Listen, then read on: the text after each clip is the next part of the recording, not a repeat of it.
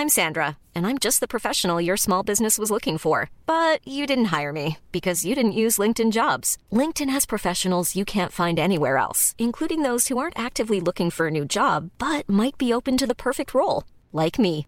In a given month, over 70% of LinkedIn users don't visit other leading job sites. So if you're not looking on LinkedIn, you'll miss out on great candidates like Sandra. Start hiring professionals like a professional. Post your free job on linkedin.com/people today. There's never been a faster or easier way to start your weight loss journey than with PlushCare. PlushCare accepts most insurance plans and gives you online access to board-certified physicians who can prescribe FDA-approved weight loss medications like Wigovi and Zepbound for those who qualify. Take charge of your health and speak with a board-certified physician about a weight loss plan that's right for you. Get started today at plushcare.com slash weight loss. That's plushcare.com slash weight loss. plushcare.com slash weight loss. Hey, it's Ryan Reynolds, and I'm here with Keith, co star of my upcoming film, If, only in theaters, May 17th. Do you want to tell people the big news? All right, I'll do. Sign up now and you'll get unlimited for $15 a month in six months of Paramount Plus Essential Plan on us. Mintmobile.com slash switch. Upfront payment of $45 equivalent to $15 per month. Unlimited over 40 gigabytes per month. Face lower speeds. Videos at 480p. Active Mint customers by 531.24 get six months of Paramount Plus Essential Plan. Auto renews after six months. Offer ends May 31st, 2024. Separate Paramount Plus registration required. Terms and conditions apply if rated PG. Fem år och över 140 intervjuer. Alla med framgångsrika kvinnliga ledare och företagare. Eva Ekedal hade jobbat med ledarskap och rekrytering hela sitt liv. Hon startade Karriärpodden för att hon brann för jämställdhet och ville göra skillnad. Shanna Ruterhill har en bakgrund från den digitala världen med bland annat 10 år i olika ledarroller på Google. Tillsammans tog de nästa stora kliv och startade Women for Leaders. Ett företag som tar fram handlingsinriktade program för att leda förändringen och för att få fram fler kvinnor till toppen.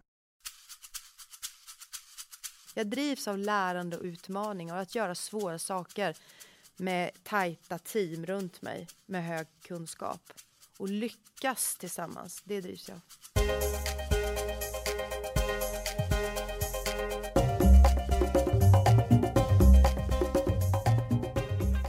Åsa Bergman är VD för Sweco, ett företag med 16 000 anställda i 14 länder. Hon har jobbat i samma koncern i 27 år och i våras utsågs hon till näringslivets mäktigaste kvinna. Nu får vi chansen att lära känna Åsa på djupet och det här blir ett samtal om ledarskap, ansvar, jämställdhet, självförtroende och om att aldrig sluta vara nyfiken. Jag som programledare heter Eva Ekedal och innan vi startar vill jag tacka min samarbetspartner, fackförbundet Unionen, som gör det möjligt att sända Karriärpodden. Nu eh, kör vi!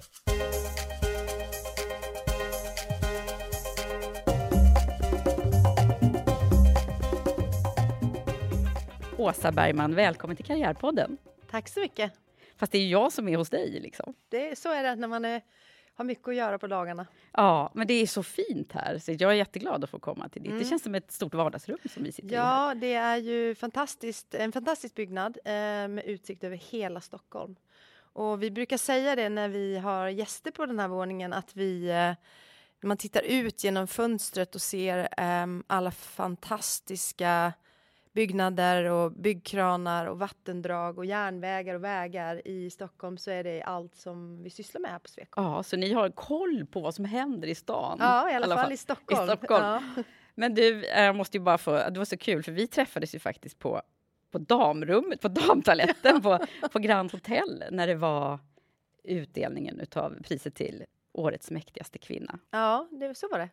Och Det är ett det, bra ställe att träffas på. ja, och det var så här innan priset offentliggjordes. så då var det lite hemligt också. Då var det ju hemligt. Du visste det, men jag visste det ju inte. Och vi stod där vid spegeln och höll på att Mm. piffa. Och sen så, så, och jag tyckte att du verkade så himla trevlig då. Ja, det var ju bra. Fast då var jag lite spänd för då repade jag nog eh, talet som jag skulle hålla från scenen i huvudet. Ah, Eftersom jag inte kunde göra det liksom, utåt. Nej, just det. Ja. ja, det var jättekul. Och sen så hejade jag extra mycket då när jag såg att nej, men du, hon vinner ju. ja, och, och nu sitter vi här och eh, du har nu några månader som Sveriges mäktigaste kvinna i näringslivet. Hur känns det? Det känns stort. Ehm, Det har varit mycket uppmärksamhet. Eh, Det har varit väldigt bra för Sweco och för mig. Ehm, Jag trodde inte att jag skulle få så otroligt mycket frågor kring eh, Ja, att vara med i poddar. Mm. Att eh, liksom intervjuas, eh, liksom, vara en person som får frågor om högt och lågt. Så det svåra efter den utmärkelsen har varit att sortera och göra val eh, så att man eh, väljer att vara med på, på rätt ställen, både för mig personligt som jag verkligen kan stå för eh, och också för liksom, Sweco. Eh, Så att eh, mycket jobb. Det, det är faktiskt så att eh, många har sagt så här, men, och nu måste du jobba, nu måste du liksom sköta ditt vanliga jobb. Men det som hände efter där, det var ju i början på mars, det är ju att egentligen under sex veckor efter att det här priset delades ut så jobbade jag ju dubbelt. Ja, det var så så. det var väldigt, Intensivt. väldigt, väldigt mycket jobb. Ja. Ja, okej, så det också bär med sig en viss... eh, Ja, man, man Ja. måste jobba lite för det där också. Väldigt eh, mycket, alltså väldigt otroligt positivt. Så att jag ska inte klaga en sekund. Nej. Men, men eh, det vill jag säger väl egentligen en del om alltså prisets eh, betydelse och uppmärksamhet. Att det faktiskt skapar så mycket attention. Ja, verkligen. Men det finaste tycker jag är med det här priset nu efteråt när jag reflekterar tillbaka, det är alla, alla kvinnor och eh, framförallt unga tjejer på, på Sweco men också ute i, liksom, i våran bransch som ehm, ja, men det stoppar en och säger att de är så stolta och att det känns liksom, du vet, djupt inne i dem att, eh, att jag har fått det här priset och att de får liksom vara del av ett sånt sammanhang och, och sådär. Mm. Och det tycker jag är fantastiskt, att det verkligen är så att man får vara en role model. Ja, och förebilder. Alltså det är ju verkligen det. Det är ju det hela Karriärpodden också går ut Mm. på kan man säga. Att vi ska liksom få fler att ta rygg på. Så det är ju en, en, en viktig grej som, som ni gör som, eh, som ledare på yttersta topppositionerna. Mm. Eh, och vi ska ju ha fler. Det är typ det jag jobbar med heltid. Ja, Att vi ska det. få fram fler. Ja. Men Åsa, nu måste vi ju lära känna dig. Mm. Och eh, jag har ju läst på och sådär. Men det är ju ändå så att eh, det som man slås av allra först, det är ju att du har gjort en väldigt lång och gedigen karriär inom Sweco. Eh, och sen har vi den här kopplingen till, till Östersund och, och Jämtland. Det har jag med nämligen, så då blir jag genast glad. Jag Ja, har just också det. Mm. släktingar därifrån. Eh, men eh, vi kan väl... Ska vi börja från början? Ja, ehm, Hur var du som liten uppe i Jämtland då? nu vet ju jag vad du brukar fråga om Ja. i dina poddar. Ja. Jag var stora syster. ja. Jag var stora syster. jag var eh, väldigt extrovert. Jag eh, julade genom filmerna när man filmade andra än mig. och när jag inte fick vara med så stack jag in huvudet i alla fall i bilder och i film. Um, nej, men jag var extrovert, jag var stora syster. Jag eh, var nog väldigt, eller jag var väldigt framåt. Eh, tog eh, ansvar för andra tidigt när jag gick i skolan och ehm, stampade på liksom. Och eh, försvarade det svaga. Eh, var det någon som mobbades så tog jag tag i det och ställde till rätta och gick till lärare och berättade och sådär liksom. Jag, ehm, jag har två yngre syskon. En mamma som är lärare och en pappa som är byggnadsingenjör. Han, nu är de pensionärer. Så att jag har varit tidigt invigd i att ehm, eh, i samhällsbyggnad och byggnation och sådär. Och just att, att vikten av att arbeta med någonting som liksom lämnar någonting kvar. Och det var egentligen pappas stolthet över yrket tror jag som präglar mig mycket. Att man bygger något som sen ja, står där. att man kan liksom. titta på det och det ger någonting till andra och sådär. Eh, men jag tror mest att han har handlat om att han var stolt över sitt arbete och, och så. Och sen eh, också att det var viktigt att, att studera. Mm. Det är någonting som jag också haft med mig. Plugga på universitet var ju bra liksom. Mm. Men sen kommer jag också ihåg till skillnad från mina barn att man var inte så upplyst för vad det nu var över 30 år sedan. Mm. Så det var väldigt mycket det att man frågade sina föräldrar, i alla fall jag frågade mina föräldrar väldigt mycket om vad ska jag plugga, vad är bra och vad är inte bra och sådär. Eh, mina barn de tar reda på allting själva. Ja. De forskar på allting så, och så kommer de att berätta för en hur det är och vad de vill och så löser de det liksom. Så Ja. var det inte när jag var i Men Google ålder. fanns inte då. Nej, jag vet. Så att vi var tvungna att förlita oss på, på ordet Ja. i sig. Och berättandet på något sätt. Ja. Men vad häftigt. Okej, men vad, visste du tidigt att, du, att, du, att det var det här du ville, det spåret du ville gå? Nej, det visste jag inte, utan det handlade då mer om att, eh, att jag, det där fanns i min värld, för det var i eh, min pappas värld och jag fick tidigt följa med honom och eh, praktisera eller så här, helgjobba eller lovjobba hos honom och vika ritningar och vara med ute på byggen och sådär. Så det är klart att det skapades en, ett intresse, men det handlar ju också om att den världen öppnades för mig på något sätt som en möjlighet. Mm. Eh, så sen när jag sökte till eh, eh högskolan så hade jag eh, civilingenjörsutbildningar som liksom, första alternativ då.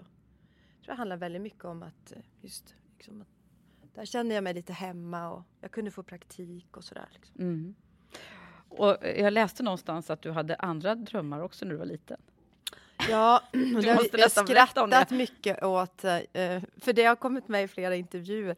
Nej, men jag, det var ju den här, vet, det fanns den här böcker som heter Mina vänner, mm. som man delade mellan kompisar, ja. så skrev man allting om. Så i slutet så stod det så här, vad drömmer du om när du är stor? Eh, och nu, nu är jag alltså typ sju, åtta år när jag skriver det här. Och det ena var att råna ett konditori, det andra var att ha ett eget tefat. och, och det där är ju, det där är ju lite kul. Att, att, det var så tydligt två saker. Men sen har jag också fått en annan fråga som jag reflekterat mycket om. Och det är, vad skulle du ha blivit om du inte blev civilingenjör, om du inte valde det här? Och så svarar jag väldigt snabbt läkare. Och jag har oftast funderat på varför det är så där. Och jag tror att det handlar om att jag...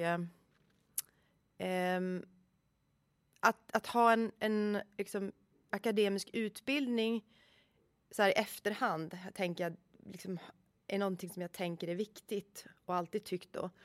Och det andra är att jag är väldigt intresserad av eh, människor och att hjälpa andra och kunna, alltså jag finner väldigt stor glädje i att, att, att, att se tillfredsställelsen och kunna lösa saker på ett väldigt bra sätt. Och det där med läkaryrket är någon form av det, det yttersta av att hjälpa. vara bland människor och hjälpa och göra väldigt bra. Så. Mm, verkligen. Det där finns i mig liksom. Det har du naturligt. När förstod du att du skulle bli ledare?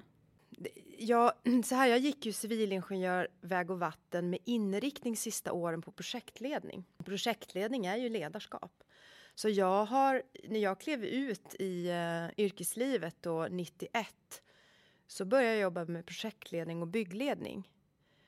Vilket var ledarskap direkt.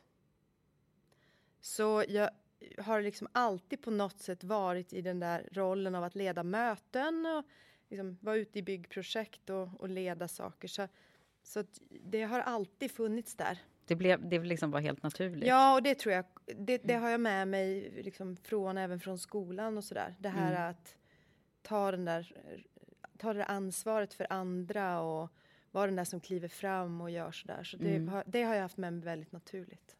Ja, det är det här stora systerskapet också. Ja, det är precis. så roligt att det är, det är ju verkligen så. Mm. Alltså, det har man ju vetat sedan lång tid innan att, att det är väldigt typiskt. Mm. Men det är fascinerande. Jag gjorde lite statistik i början på eh, när jag hade börjat med Karriärpodden. För jag tyckte det var så fascinerande hur många, hur många stora systrar är det egentligen jag ska sitta här och prata med. Och det är ju övervägande faktiskt. Ja. Men du, eh, om man tittar på eh, din, när du, när du fick de första jobben, mm. eller första jobbet, var det här då eller? Eh, det var på FFNs arkitekter, arkitektföretag i Stockholm eh, som ägdes av Gunnar Nordström och tre andra arkitekter. Och det, det, varför, varför, det, är ju, det var ju för mig Sweco då, för att FFNS köpte sen ett stort ark, eh, ingenjörsbolag som hette VBB och bildade Sweco och satte det på börsen 98, sju år senare. Och vd på arkitektbolaget um, och också ägare då var Gunnar Nordström som var som grundade då till Sweco. Ja. Eh, och det är fortfarande familjen Nordström som är en av huvudägarna i Sweco. Och styrelseordföranden i Sweco är Johan Nordström som är eh, son till Gunnar Nordström. Okej, mm. så det var, det var en del av det som sen blev Sweco som du började på? Exakt. Mm. Vad var första jobbet då? Då jobbade jag som eh, biträdande projektledare, byggledare på eh, ett projekt i centrala Stockholm som hette Galleria Adam och Eva. Det låg vid pub, alltså mm. vid Hötorget. Ja. ja. det var mitt första projekt i Stockholm. Um, så att jag, jag jobbade med uh, mer erfarna projektledare med byggprojekt runt uh, liksom, Stockholmsregionen. Vad häftigt. Mm då undrar man ju också förstås eh, på en gång eh, sådär, okej, men du måste ju vara otroligt van vid att jobba med väldigt många män runt omkring dig. Mm. Det är jag. Eh, och det är så har hela min karriär sett ut. Eh, jag är ju på något sätt, eller jag är uppfostrad i ett hem där eh, liksom, vilket om man är, är, liksom pojke eller flicka inte har spelat någon roll i diskussioner om vilken utbildning och vad man kan uppnå och sådär. Jag tänker att många säger så här att de skulle vilja ha med sig från sin uppväxt är att, att deras föräldrar har gett dem att allting i livet är möjligt. Bara, och det fick jag av mina föräldrar. Mm. Um, att allt man vill är möjligt. Um, om man anstränger sig och om man säger ja och om man gör rätt val och sådär. Så, jag har aldrig känt att det har funnits några begränsningar. Um, så att för mig, vilket gör att det är andra som har tittat på mig och sett att jag är tjej bland många män. Men jag har aldrig tänkt mig, alltså under min första del av min karriär, att jag är ensam tjej bland en massa killar. Så har det aldrig, så har det, jag reflekterade aldrig på det sättet. Mm. Sen jobbar jag i ett arkitektföretag och där ska man veta att det var tidigt så att det, fanns, det jobbade många tjejer i arkitektföretaget. Men ute på byggen var, ju, var man ju ensam tjej. Liksom. Ja. Och om, eh, har det någon gång varit så att eh, du har varit, jobbat med övervägande kvinnor? Alltså vice versa? Så Nej, så några gånger är det ju så. Sweco är ju ett väldigt jämställt bolag. Ja, jag har varit tittade det länge. i ledningen. Ja, men alltså på, i ledningar eh, så, har alltid, det har varit väldigt högt upp på agendan, alltid. Och Gunnar Nordström sa ju väldigt tidigt att liksom, olikhet och individer och en mix utav eh, kvinnor och män eh, som representerar samhället är en grundförutsättning för att skapa bra, alltså bra lösningar för samhället. Så ska man liksom rita och projektera framtida samhällslösningar så ska man representera samhället. Och det gjorde att det var liksom tidigt en mix av kvinnor och män och utlandsfödda på Sweco. Så att så har det liksom mm. alltid varit hos oss då. Mm. Så det låter som det här har inte varit något, liksom, någonting som du har ägnat dig någon energi åt? Liksom. Första delen av min karriär så ägnade jag ingen energi åt det alls. Och så frågar man sig då, har du liksom aldrig känt att du har blivit annorlunda behandlad eller varit med? Jag tänker på hela den här metoo, eh, mm. eh, alla, alla diskussioner kring det där. Jo, det är klart att, att jag har varit, för jag har ju varit mitt i det där. Jag har varit med i situationer att jag inte fått följa med på en taklagsfest för det, liksom, de kunde inte garantera min säkerhet. Jag har varit med om att någon säger att jag ska servera kaffe när jag leder hela projektet och alla kommit in på mötet och sådär. Men wow, med. vad gjorde du då? Jag sa, jag, jag, jag ska berätta, men, men, jag ska berätta det sen. Och sen sådana saker som att när jag kommer med en kollega så tittar de på kollegan och börjar samtalet. Fast det är jag som mm. är ansvarig. Nej, men det som har varit grejen har varit att jag har aldrig lagt någon energi på det. Och tidigare så skämdes jag lite för det, för när jag förstod att det fanns kvinnor som slet väldigt hårt för att vara föregångare och skapa jämställdhet genom att vara aktiva i handling så var jag en person som jag bara stampade på på mitt eget sätt och så lät jag omgivningen sköta de här situationerna. Mm. För det har alltid funnits män som har sagt så här, men du kan ju inte säga att hon ska servera kaffe. Hon leder ju hela projektet. Mm. Och så har jag liksom inte... Du har inte behövt ta någon strid? Jag har aldrig heller. behövt ta någon strid och jag har um, bara, du vet, låtit det vara. Och sen har jag stampat på. Och det där har jag någon gång, jag har reflekterat över det där, det är känt, någon gång har jag känt så lite egoistiskt, att jag har bara liksom jag bara klivit på. Å andra sidan nu när jag reflekterar kring det så tänker jag det viktigaste som jag har gjort i de här frågorna tidigt i min karriär är att jag har lyckats så att jag är en role model för många andra. Mm. Så att nej, jag har inte lagt någon energi. Men det är kan kanske en del av hemligheten tänker jag. Att, att eh, eller inte hemligheten, men en, eh, en väg fram är att, att liksom ta det väldigt mycket för givet. Men då måste man ju också se till, som sagt var, omges av ett community som, som är som tar hand om det när det blir fel.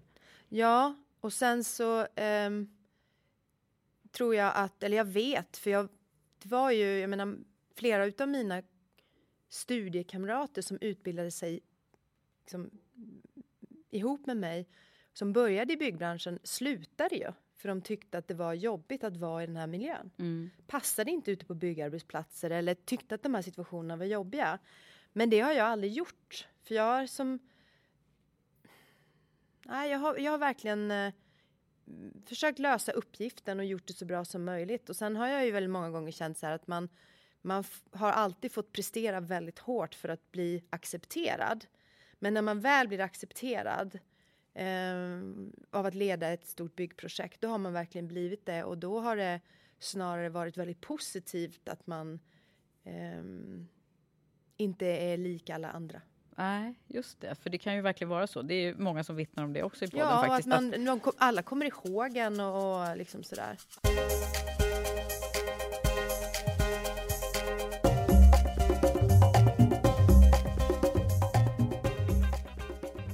Det blir så skönt när man sitter i Karriärpodden för då får man nämligen liksom lite tillfälle att reflektera över sin, sin karriär så här långt. Mm. Vad, vad, vad är det för, kan du se så här vägskäl som har varit avgörande för dig? För din liksom, eh, utveckling både som ledare och som, Så- som människa? Såklart eh, det här första valet när jag var på lunch när jag gick på KTH och eh, ehm, liksom mötte arkitektbolaget FFNS. Den här fantastiska byggnaden vid Engelbrektsplan och den där lunchen. Det, spännande projekt och, och mycket kunskap och en, liksom en känsla av ett företag där här skulle jag vilja jobba. Det valet liksom, eh, var ju helt avgörande för så här sitter jag ju idag. Ja, och det är så häftigt liksom. Så lång eh, Ja. tid i samma bolag och ändå, Ja. ja, vilken resa du har gjort. Sen, sen en, en annan sak är ju när jag ehm, eh, får möjlighet att få mitt första vd-jobb. För att jag blev gruppchef ganska tidigt. Eh, men det var ju liksom, en grupp är ju typ 10 personer, blev jag ansvarig för.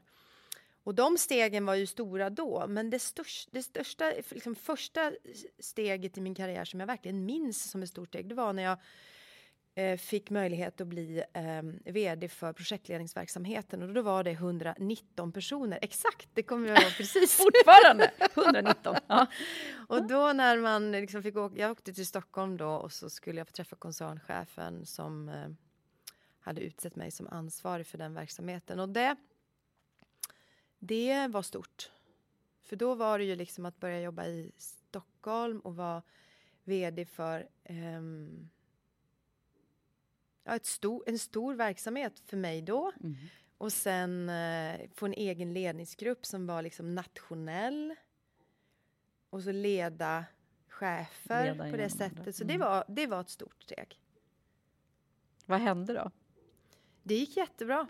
Jag dubblade det där och lite till och eh, växte den där verksamheten Ja. på ett bra sätt. ja, och det verkar som du har gjort flera gånger. Ja. För jag tänker på Sverige. Nej, men och sen, och sen, Chefsjobbet. ja, och sen, egentligen är det så här, varje gång jag har fått ett nytt stort jobb efter det då har väl varit ett, ett stort vägskäl. Men framför allt så har det varit en, det har varit ett steg upp på en ny utvecklingskurva för mig. För tittar jag tillbaka på mina 28 år, då får man forska ganska mycket om man ska komma dit, Mm. så har jag liksom gjort saker i så här 6-7 års perioder. Mm. Ehm, och jag tror att för mig det, är det ganska naturligt när jag tittar på det där. Man kliver på en nytt roll. Det är svårt. Man ska lära sig massa nya saker. Man ska ha, skapa nya relationer. Man ska bygga det där starka teamet runt sig. Och så ska man lära sig nya arbetsprocesser. Mm. Sen ska man börja skära bort gamla beteenden som man har med sig sedan tidigare som inte passar i den nya rollen. Och det är en brant inlärningskurva med mycket hårt jobb och så börjar man skapa bra saker och utveckla bolaget och så tar det några år till. Och sen, börjar, som, sen bör, när saker och ting börjar gå av slentrian, man kan arbetssättet, man vet hur man gör och man har skapat det där fantastiska teamet som nästan blir självgående. Då hamnar en fråga i mig så här, och vad ska jag göra nu då? Ja, just det. För då, blir du lite otålig då eller? Nå, så då, då vill jag i alla fall leta efter... Eh, ut, jag måste ha utmaningar hela tiden. Ja. Jag drivs av lärande och utmaningar och att göra svåra saker med tajta team runt mig med hög kunskap. Och lyckas tillsammans, det drivs jag av. När du fick det här jobbet då, eh, som du har nu, det är ett år sedan eller? Mer? Ja, lite mer än ett år sedan. Hur tänkte du då? Ja, först när min företrädare ser upp sig så blev jag ju ledsen och glad på samma gång, vilket var en väldigt konstig känsla. Um, För det var någon du tyckte om? Ja, som jag jobbade väldigt tajt med, som utvecklade mig väldigt mycket för att kunna ta ett sånt här jobb. Alltså det var en, en väldigt eh, bra, en väldigt bra person för att utveckla mig till den här rollen. Och då är, var ju han en förutsättning för att jag skulle kunna få det här jobbet. Mm. Så för övrigt ska jag äta middag med honom ikväll. Oh, Jättekul. Härligt. Då får du eh, berätta att du har pratat om honom nu. Ja, det ska jag göra. Eh, nej, men... Eh, um, och sen kände jag ju att jag absolut ville ha det här jobbet. Eh, så, så, det frågar folk mig om, om jag, det här med att tveka och att vara orolig för eller eh, fundera på om man klarar det. Och det lärde mig, en av mina första eh, chefer sa det till mig att det är jag som och vi som bedömer dig och avgör om du klarar det här. Så lägg ingen tid och kraft på det. För den researchen har vi redan gjort. Mm. Och det är vårt ansvar. Om du agerar i det, precis som du har gjort tidigare och är den du är. How would you like to look five years younger? In a clinical study, people that had volume added with Juvederm Voluma XC in the cheeks perceived themselves as looking five years younger at six months after treatment. Look younger, feel like you. Add volume for lift and contour in the cheeks with Juvederm Voluma XC. Reverse signs of aging by adding volume to smooth laugh lines with Juvederm Volure XC. For important safety information and to find a licensed specialist, visit juvederm.com. That's J U V E D E R M.com. Not for people with severe allergic reactions, allergies to lidocaine, or the proteins used in Juvederm. Common side effects include injection site redness, swelling, pain, tenderness, firmness, lumps, bumps, bruising, discoloration, or itching. There's a risk of unintentional injection into a blood vessel, which can cause vision abnormalities, blindness, stroke, temporary scabs, or scarring. Talk to a licensed specialist to find out if it's right for you. I'm Sandra, and I'm just the professional your small business was looking for. But you didn't hire me because you didn't use LinkedIn jobs. LinkedIn has professionals you can't find anywhere else, including those who aren't actively looking for a new job but might be open to the perfect role, like me. In a given month, over 70% of LinkedIn users don't visit other leading job sites. So if you're not looking on LinkedIn, you'll miss out on great candidates like Sandra. Start hiring professionals like a professional. Post your free job on linkedin.com/people today. There's never been a faster or easier way to start your weight loss journey than with PlushCare. PlushCare accepts most insurance plans and gives you online access to board-certified physicians who can prescribe FDA-approved weight loss medications like Wigovi and Zepbound for those who qualify. Take charge of your health and speak with a board-certified physician about a weight loss plan that's right for you. Get started today at plushcare.com slash weight loss. That's plushcare.com slash weight loss. plushcare.com slash weight loss. Hey, it's Ryan Reynolds, and I'm here with Keith, co-star of my upcoming film, If, only in theaters May 17th. Do you want to tell people the big news? Right, I'll do. Sign up now and you'll get unlimited for $15 a month in six months of Paramount Plus Essential Plan on us. Mintmobile.com slash switch. Upfront payment of $45 equivalent to $15 per month. Unlimited over 40 gigabytes per month. Face lower speeds. Videos at 480p. Active Mint customers by 531.24 get six months of Paramount Plus Essential Plan. Auto renews after six months. Offer ends May 31st, 2024. Separate Paramount Plus registration required. Terms and conditions apply if rated PG. Hey there, it's Michelle Norris. I'm host of a podcast called Your Mama's Kitchen. When I travel, I'm usually looking for a way to find a taste of home when I'm not at home. And one of the things I love to do when I am at home is entertain. And Airbnb allows me to do that. When I was in California recently, I rented a house that had a great kitchen. And when we were sitting around the table, we we're all thinking, we're in someone else's house. Someone could be in all of our homes as well. If you have a home, but you're not always at home, you have an Airbnb. Your home might be worth more than you think. Find out how much at airbnb.com slash host. Och utveckla det härifrån, då är det vårt ansvar att det här kommer bli jättebra. Och det där skulle jag ju vilja säga till många, eh, framförallt tjejer, som tvivlar på sig själva eller ska ha liksom tick i alla boxar mm. i relation till sin kompetens och sin profil. Um, att det där är ju någon annans ansvar att göra den övningen. Absolut. Och man måste på något sätt eh, få för sig att man har det där redan innan Mm. man får frågan också. Mm. Det är det som är... Ja. Så egentligen svaret på din fråga om vad jag tänkte när, när det här jobbet vart ledigt och när jag fick möjligheten var ju bara att jag blev, var liksom jätteglad och ville det här otroligt mycket och ehm, ehm, ja.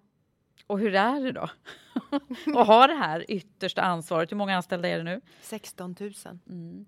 Ehm, 16 000 och 14 länder. Ja. Hur, hur liksom greppar man det? Nej, men det som är, det som är, det som är, ehm, som jag tror som är allt i livet är att det är inte så stort för mig som det är för kanske dig som frågar. Mm. För det här handlar om att jag har ju som vant mig successivt. Jag hade 10, sen hade jag ansvar för fe- 100, 119. och sen 250. Det stora klivet var att gå från det till ungefär 2 500. Och sen ska man veta om det att det är ju samma, alltså jag har ett team med väldigt, ehm, väldigt bra personer som har hög kompetens, stor erfarenhet och kan sina områden runt mig. Jag har landchefer som är kapabla att leda stora organisationer i sitt land. Ehm, och jag bidrar med det som jag är bra på. Att Mm. leda andra människor, att peka riktning, strukturera arbetssätt, eh, coacha och ge feedback, följa upp, eh, bygga det här starka teamet som liksom skapar en gemensam agenda för att driva saker. Det bidrar jag med. Så det är egentligen samma sak Jag gör som du har samma gjort sak tidigare. fast jag gör det i, liksom på, nu på engelska allting. Jag reser mycket mer.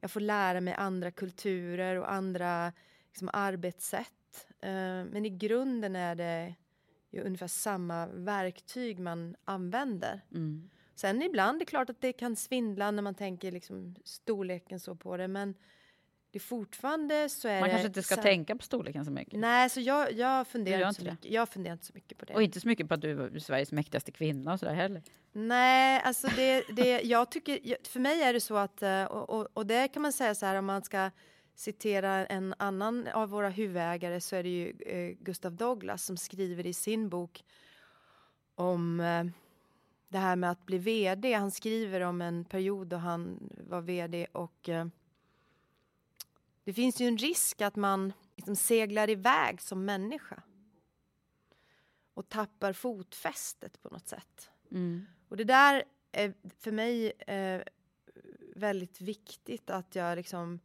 behåller det som är kärnan i, i hur man är framgångsrik som ledare. Och det är ju att vara sig själv och att kunna relatera till alla människor och att alla människor relaterar och känner sig, liksom, kan skapa relation till en själv.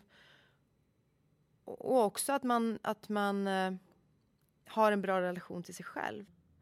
Det är ju samma som händer när, när det blir för, liksom, för stora artister och framgångsrika personer Mm. generellt sett. Att, det, att det, det är nog superviktigt. Hur Ja. gör du för att behålla dig själv då i det här? Jag åker tunnelbana till exempel och, och har mina vänner. Och, sen tar ju barnen tar ju ner en snabbt. Mm. Eh, liksom, kommer man hem så är man ju hemma. Ja. Nej men jag tänker på det.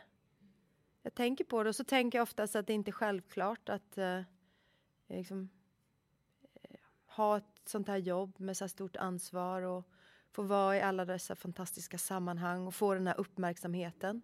Mm. Ehm, och sen när det blir mycket så, eh, att man, man får mycket uppmärksamhet på sig och är i de här rummen så behöver man landa in lite i nära familjen och nära, närmaste vännerna och i trädgården och du vet Mm. så. Vara liksom Ja. vanliga, sitt Ja. vanliga jag. Mm. Mm.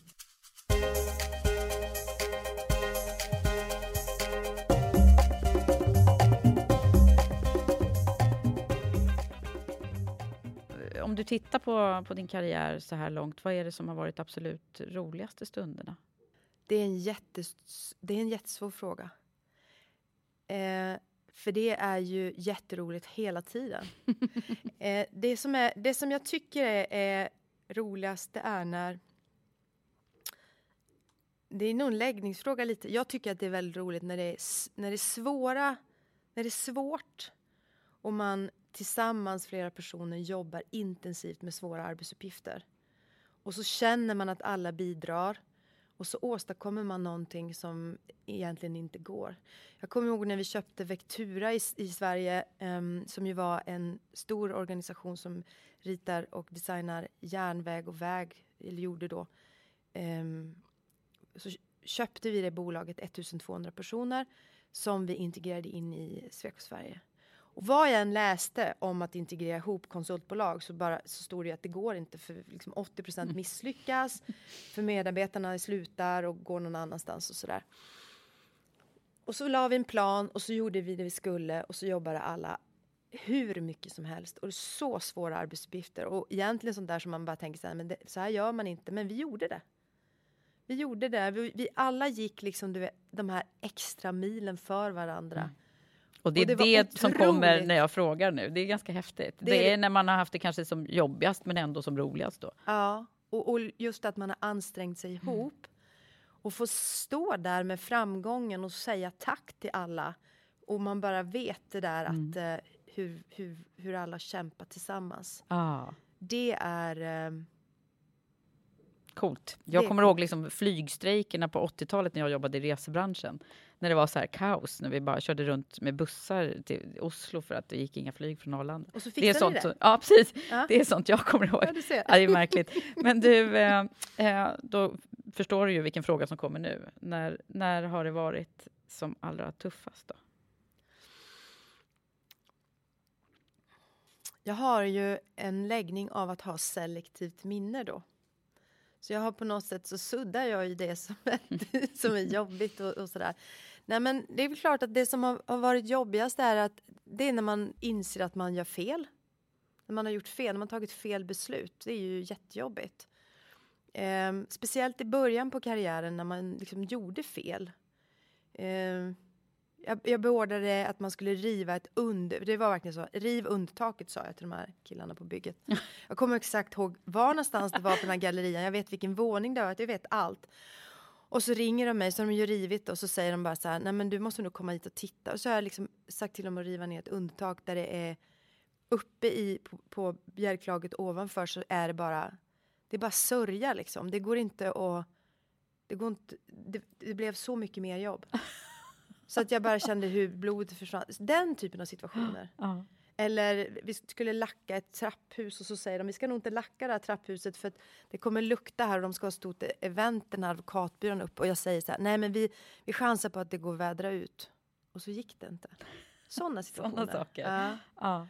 Det, det, de har ju varit riktigt jobbiga och sen inser man ju efter, efter, efteråt så här när man tittar tillbaka att det där löser sig. Oftast löser det sig om man har skapat starka och bra relationer med människor runt en för då blir man, då, då, lö, då hjälps man åt, då får man hjälp. Då stöttar människor upp. Mm. Och den andra saken är, är att jag, jag drar gärna på saker när jag känner att jag ska lämna besked eller göra förändringar som påverkar andra människor negativt. Eller jag ska alltså, leverera vad jag tycker är dåliga besked. Eh, det tycker jag är väldigt jobbigt. Mm. Och det tror jag är, bak, alltså jag vet, det är ju baksidan av, av min styrka. Mm. För, för har man stor empati och man eh, skapar nära och starka relationer till människor så, så ingår det också i det här jobbet att göra förändringar och att eh, ge, ge tuff feedback. Mm. Och feedback har jag inget svårt att ge, för det ser jag som en ett sätt att bry sig om personers utveckling. Ja, men det är ju men bra feedback. Att, är ju det. Ja, just att göra människor besvikna för att man, ibland måste man göra val för företagets skull eller för sin egen skull eller ja, så mm. som gör att uh, um, det blir inte som alla vill ha det. Nej, det är svårt att liksom tillfredsställa alla hela ja, vägen ut. Eh, om man har företagets eh, resultatfokus. Mm. Och det har man ju förstås ja. när man är ledare. Mm. Du, när vi, vi ska ägna oss en liten stund åt ledarskapet mm. i sig, för det vet jag ju att du får bråttom hela tiden nu. Och du har säkert liksom intränat vad är som är din, ditt mantra. Mm. Ska du dra det nu då? Ja, fast nu så har jag ju inte tränat in det för idag. Men, nej. nej, men det som, är, det som är eh, det viktigaste har jag väl egentligen sagt att eh, förstå sig på att, att leda bolag gör man inte själv. Det kanske är så att när man är entreprenör och man börjar bygga ett bolag så gör man det själv. Men leder man bolag eh, och speciellt stora bolag som jag gör så gör man det inte själv och man eh, eh måste säkerställa att man liksom bygger starka och bra team eh, och att de arbetar på ett bra sätt tillsammans. Det är liksom en, en av delarna. Och sen att, att det här att teamet och att bolaget förstår vart man är på väg. Eh, att man är tydlig med förväntningar och tydlig med mål och riktning och sådär. Eh, sen en annan sak som, som är intressant, eh, det är ju att människor presterar mycket, mycket bättre om de känner sig trygga. Mm. Och eh, jag är ganska fascinerad av ledarskapsutveckling, för man pratar om det moderna ledarskapet. Det är inte så att ledarskap fungerade annorlunda tidigare. Det är bara att man har kommit på att det ledarskapet som idkades tidigare var sämre än det som man faktiskt har kommit fram till idag. Och i grunden handlar det ju om hur människor fungerar. Mm. Du får ju lätt människor att göra vad du vill om du eh, har makt över dem och liksom, beordrar dem eller hotar dem. Men du får dem ju att göra det väldigt kortsiktigt och framförallt så går de inte de där extra stegen åt dig. De tänker inte utanför boxen för att man är otroligt rädd att göra fel. Eh, så att skapa tillit och att skapa en, en trygghet i eh, hur, hur det fungerar runt respektive, alla individer tror jag också mm. är, eller vet jag är väldigt eh, mm. viktigt. Så. Hur gör du för att göra det? Nej men alltså, det, jag, är alltid, jag är lugn. Jag är alltid lugn.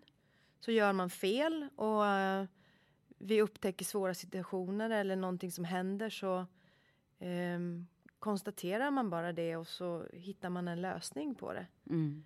Um, man får ha både tålamod men framförallt förstå att uh, ska man ha människor runt sig och en organisation som testar spänner bågen och, och, och liksom är engagerad själv så görs det fel och begås misstag. Mm. Och då får man stå där och stötta snarare än någonting annat.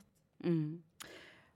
Det här är ju en av de faktorerna som många pratar om. Jag ställer ju den här frågan numera alltid i Karriärpodden om vad, vad det moderna ledarskapet eh, betyder för, för för de jag träffar. Men jag tänker på, det här är en av de faktorerna. Finns det någonting annat som du tror att vi skulle behöva göra ännu mer av i framtiden eh, i, i, företagen för att liksom lyckas? Jag, jag, tror, jag har ju alltid trott på det, det extremt delegerande eh, ledarskapet där man eh, nu jobbar jag i en organisation där, men så är det ju i alla verksamheter. Alltså när, när varje person har sin roll och sin uppgift Ehm, då tror jag ju väldigt mycket på att låta den kraften få riktig utväxling. Och ju mer delegerande man är i sin, sin verksamhet, ju, mer måste, ju tydligare måste man vara kring liksom, förväntningar och vart man ska. Annars kan ju den här organisationen, alltså i princip kan man ju på en byggarbetsplats då börja liksom bygga olika saker. Mm, just det. Liksom. Om man är för. Om man är för liksom spretig. spretig. Ja. Um, så jag tror snarare att, att um, tydlighet med, med vart, vart man är på väg. Um, och så ty tydlighet med förväntningar. Mm. Sen tror jag att man måste, vi måste utveckla oss bättre och bättre på att liksom ge feedback och coacha människor. För att när man har ett väldigt delegerat ansvar så bygger det väldigt mycket på att man ger feedback i hur, liksom, hur levereras det här och hur gick det här och vad tycker jag om det här? Och så att man har ett pågående samtal hela tiden mm. för att få utvecklingen i rätt riktning. Det blir ännu viktigare. Ja, det tror jag. Mm. Absolut.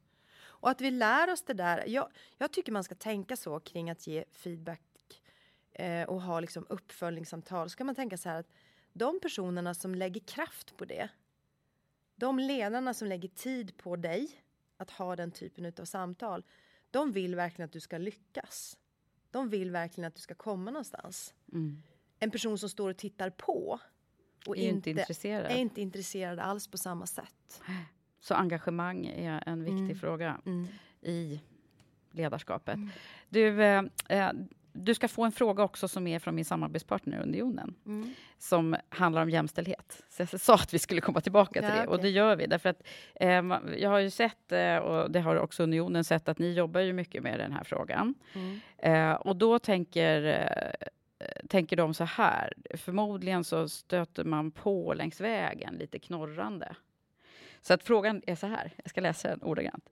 Vilka är dina tre bästa argument till folk som knorrar för varför man ska jobba aktivt med jämställdhet?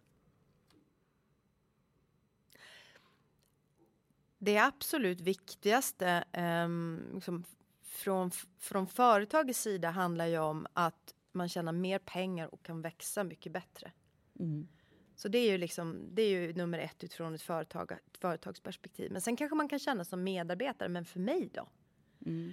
Och då handlar det ju om att, att arbetsmiljön och trivseln ökar För alla? för alla. Alltså det, finns det ju mätningar på som gör att, eh, och det är bara att liksom, titta på alla typer av miljöer. I blandade miljöer så, så blir det liksom mer dynamiskt, mer innovativt, skapas bättre lösningar. Det är en blandning av liksom intressen och aktiviteter som frodas bland människor. Mm. Så samtalen blir roligare. Det blir, det blir, det blir roligare på jobbet. Liksom.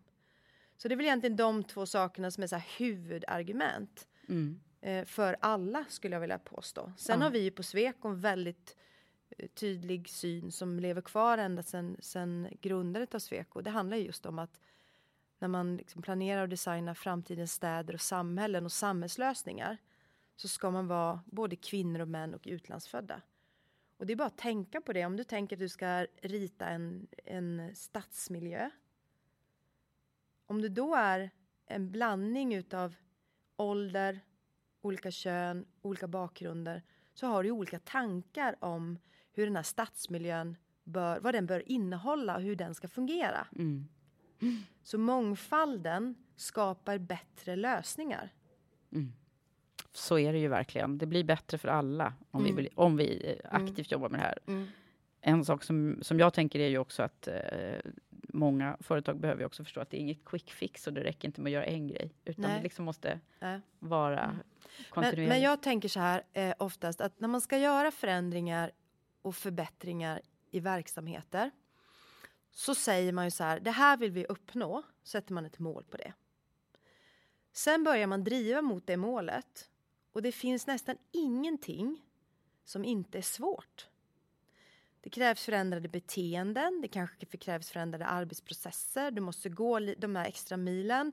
Du kanske måste anställa personer som gör det här på något olika sätt. Du kanske måste ändra något i din struktur. Men så är det med allt som rör företagsutveckling. Mm. Ska du ge dig in i ett nytt land så måste du lära dig landet, du måste rekrytera, du måste liksom anstränga dig. Och det är samma sak med, med jämställdhet och mångfald. Sätter du upp ett mål och vill dit för att du tycker det är viktigt. Då kommer du vara tvungen att anstränga dig. För du kom, kan ju skicka upp hundra anledningar till varför det här inte går att lösa. Men så är det med alla frågor. Så den första intressantaste frågan man måste ställa sig själv som företagsledare eller ägare till ett bolag. Tycker jag på riktigt att det här är ett viktigt mål att nå? Mm. Och börja där. För är det som man tycker det, då får man lösa alla de hindren som är på, på vägen. Och varför jag säger det, för jag hör så många som argumenterar kring att men det är så svårt. Eh, de säger nej. Hur ska jag få? De slutar. Jag får inte det att fungera.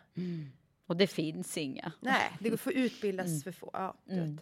Ja. Och så är det med alla frågor. Ja, intressant. Du, eh, om vi skulle titta på, av- avslutningsvis ska vi ska försöka ringa in en massa saker och lärdomar som du har med dig. Men jag, jag sitter och har liksom en så här, vad tror du är eh, de viktigaste grejerna som har, som har präglat dig från, eh, från livet liksom till att du är den du är idag? Och nått de här liksom ändå framgångarna som, som Jag tror att en av mina viktigaste egenskaper det är att jag på riktigt inte tycker att jag liksom är färdig på något sätt. Jag, är, jag har otroligt lätt för att säga att jag inte vet, att jag inte förstår, att du kan det här bättre än jag. Eh, jag är otroligt öppen för att det är någonting som jag inte förstår. Så jag går sällan in i en situation, in till en människa i ett möte eh, och tänker att jag har koll och jag vet och jag har gjort det här innan. Så den egenskapen tror jag att har alltid gjort mig liksom bättre än om jag hade varit, eh, liksom, du vet, trott att nu har jag fått den här rollen, nu kan jag det här, jag gör som jag gjort innan, detta, och, mm. och egentligen igenstängd i sinnet. Så, så det där lärandet och att be om hjälp och att visa sig sårbar har gjort att människor kliver oftast, eller har alltid klivit nära och jag har fått full utväxling av andra människors kompetens. För jag har alltid bjudit in och sagt att eh, jag behöver er och ni är viktiga och jag kan inte det här bäst. Mm. Um, och det... Det låter som en, en avgörande ja, bra sak, ja, tror jag. Mm. Det, är ju, det är det som man saknar hos de ledarna som inte når fram hela vägen, skulle jag säga. Du, eh, om, om vi nu försätter oss vid att eh, både du och jag är så här 20 igen. vi kan låtsas det en stund. ja, just det. Ja. Vad, vad, vad är det för någonting som, som du skulle vilja säga till oss då? Att, eh, så här, utifrån de lärdomarna du har nu. Vad hade vi mått bra av att höra? Jag tycker det är ganska lätt för mig att sätta mig in för jag, min dotter är 20 ja. exakt. Och hon eh, eh, hon sliter ju rätt hårt och pluggar och varje situation som hon ger sig in i så känns det som att det känns så stort och viktigt så att det är ungefär som att livet är slut om hon inte ska lyckas med den här situationen. Och det skulle jag kunna önska att jag hade, och jag har sagt det till henne också, jag önskar att du kunde reflektera mer kring och, och veta och förstå det, att det löser sig. Så varje sån där situation man är i när man kanske gör något fel eller man misslyckas med någonting eller det, lö det löser sig. Mm. Eh, det är inte världens ände om det inte blir precis som man har tänkt sig eller att allting blir liksom perfekt. Mm. För den där strävan kan jag tycka i början av ens karriär, för det handlar ju, och det gör det ju fortfarande, men det handlar ju väldigt mycket om att göra bra ifrån sig i relation till den uppgiften som man har. Um, man gör så gott man kan och så räcker det och framförallt kan man inte räkna ut allting. Så det där ältandet skulle ja. jag vilja att jag hade fått lära mig tidigare att jag inte behövde hålla på med. Mm. Man kan ju att, du vet, kunna göra konstateranden. Nu ska vi göra det här, det är ganska svårt och så gör vi så bra vi kan och så kommer det lösa sig. Mm. För då blir det som lite lättare resa. Det skulle jag vilja gett mig själv och det är det jag också vill ge henne. Bra sak. Är det någonting mer? Det hade jag också behövt, kan jag säga. Ja, nej men sen att allt är möjligt, det fick jag med mig. Så det hade jag inte behövt lärt mig själv när jag var 20, men det kunde jag ha lärt dig då, mm. när du var 20. ja, verkligen. Ja. Eh, just att eh, allting är möjligt. Eh, mm. om, man, om man vill någonting och det finns många vägar dit. Tack så jättemycket Åsa för att jag har fått vara här med dig den här måndagmorgonen. Tack för att du kom hit. Tack för att du har lyssnat. Och om du gillar Karriärpodden Women for Leaders och vårt arbete för ett mer jämställt näringsliv, gå gärna in och stjärnmarkera och kommentera. Och du, vi har precis startat en Facebookgrupp, Karriärkvinnor Paying It Forward. Gå med du också! Och till sist vill jag skicka ett tack till Unionen som verkar för ett jämställt näringsliv för alla.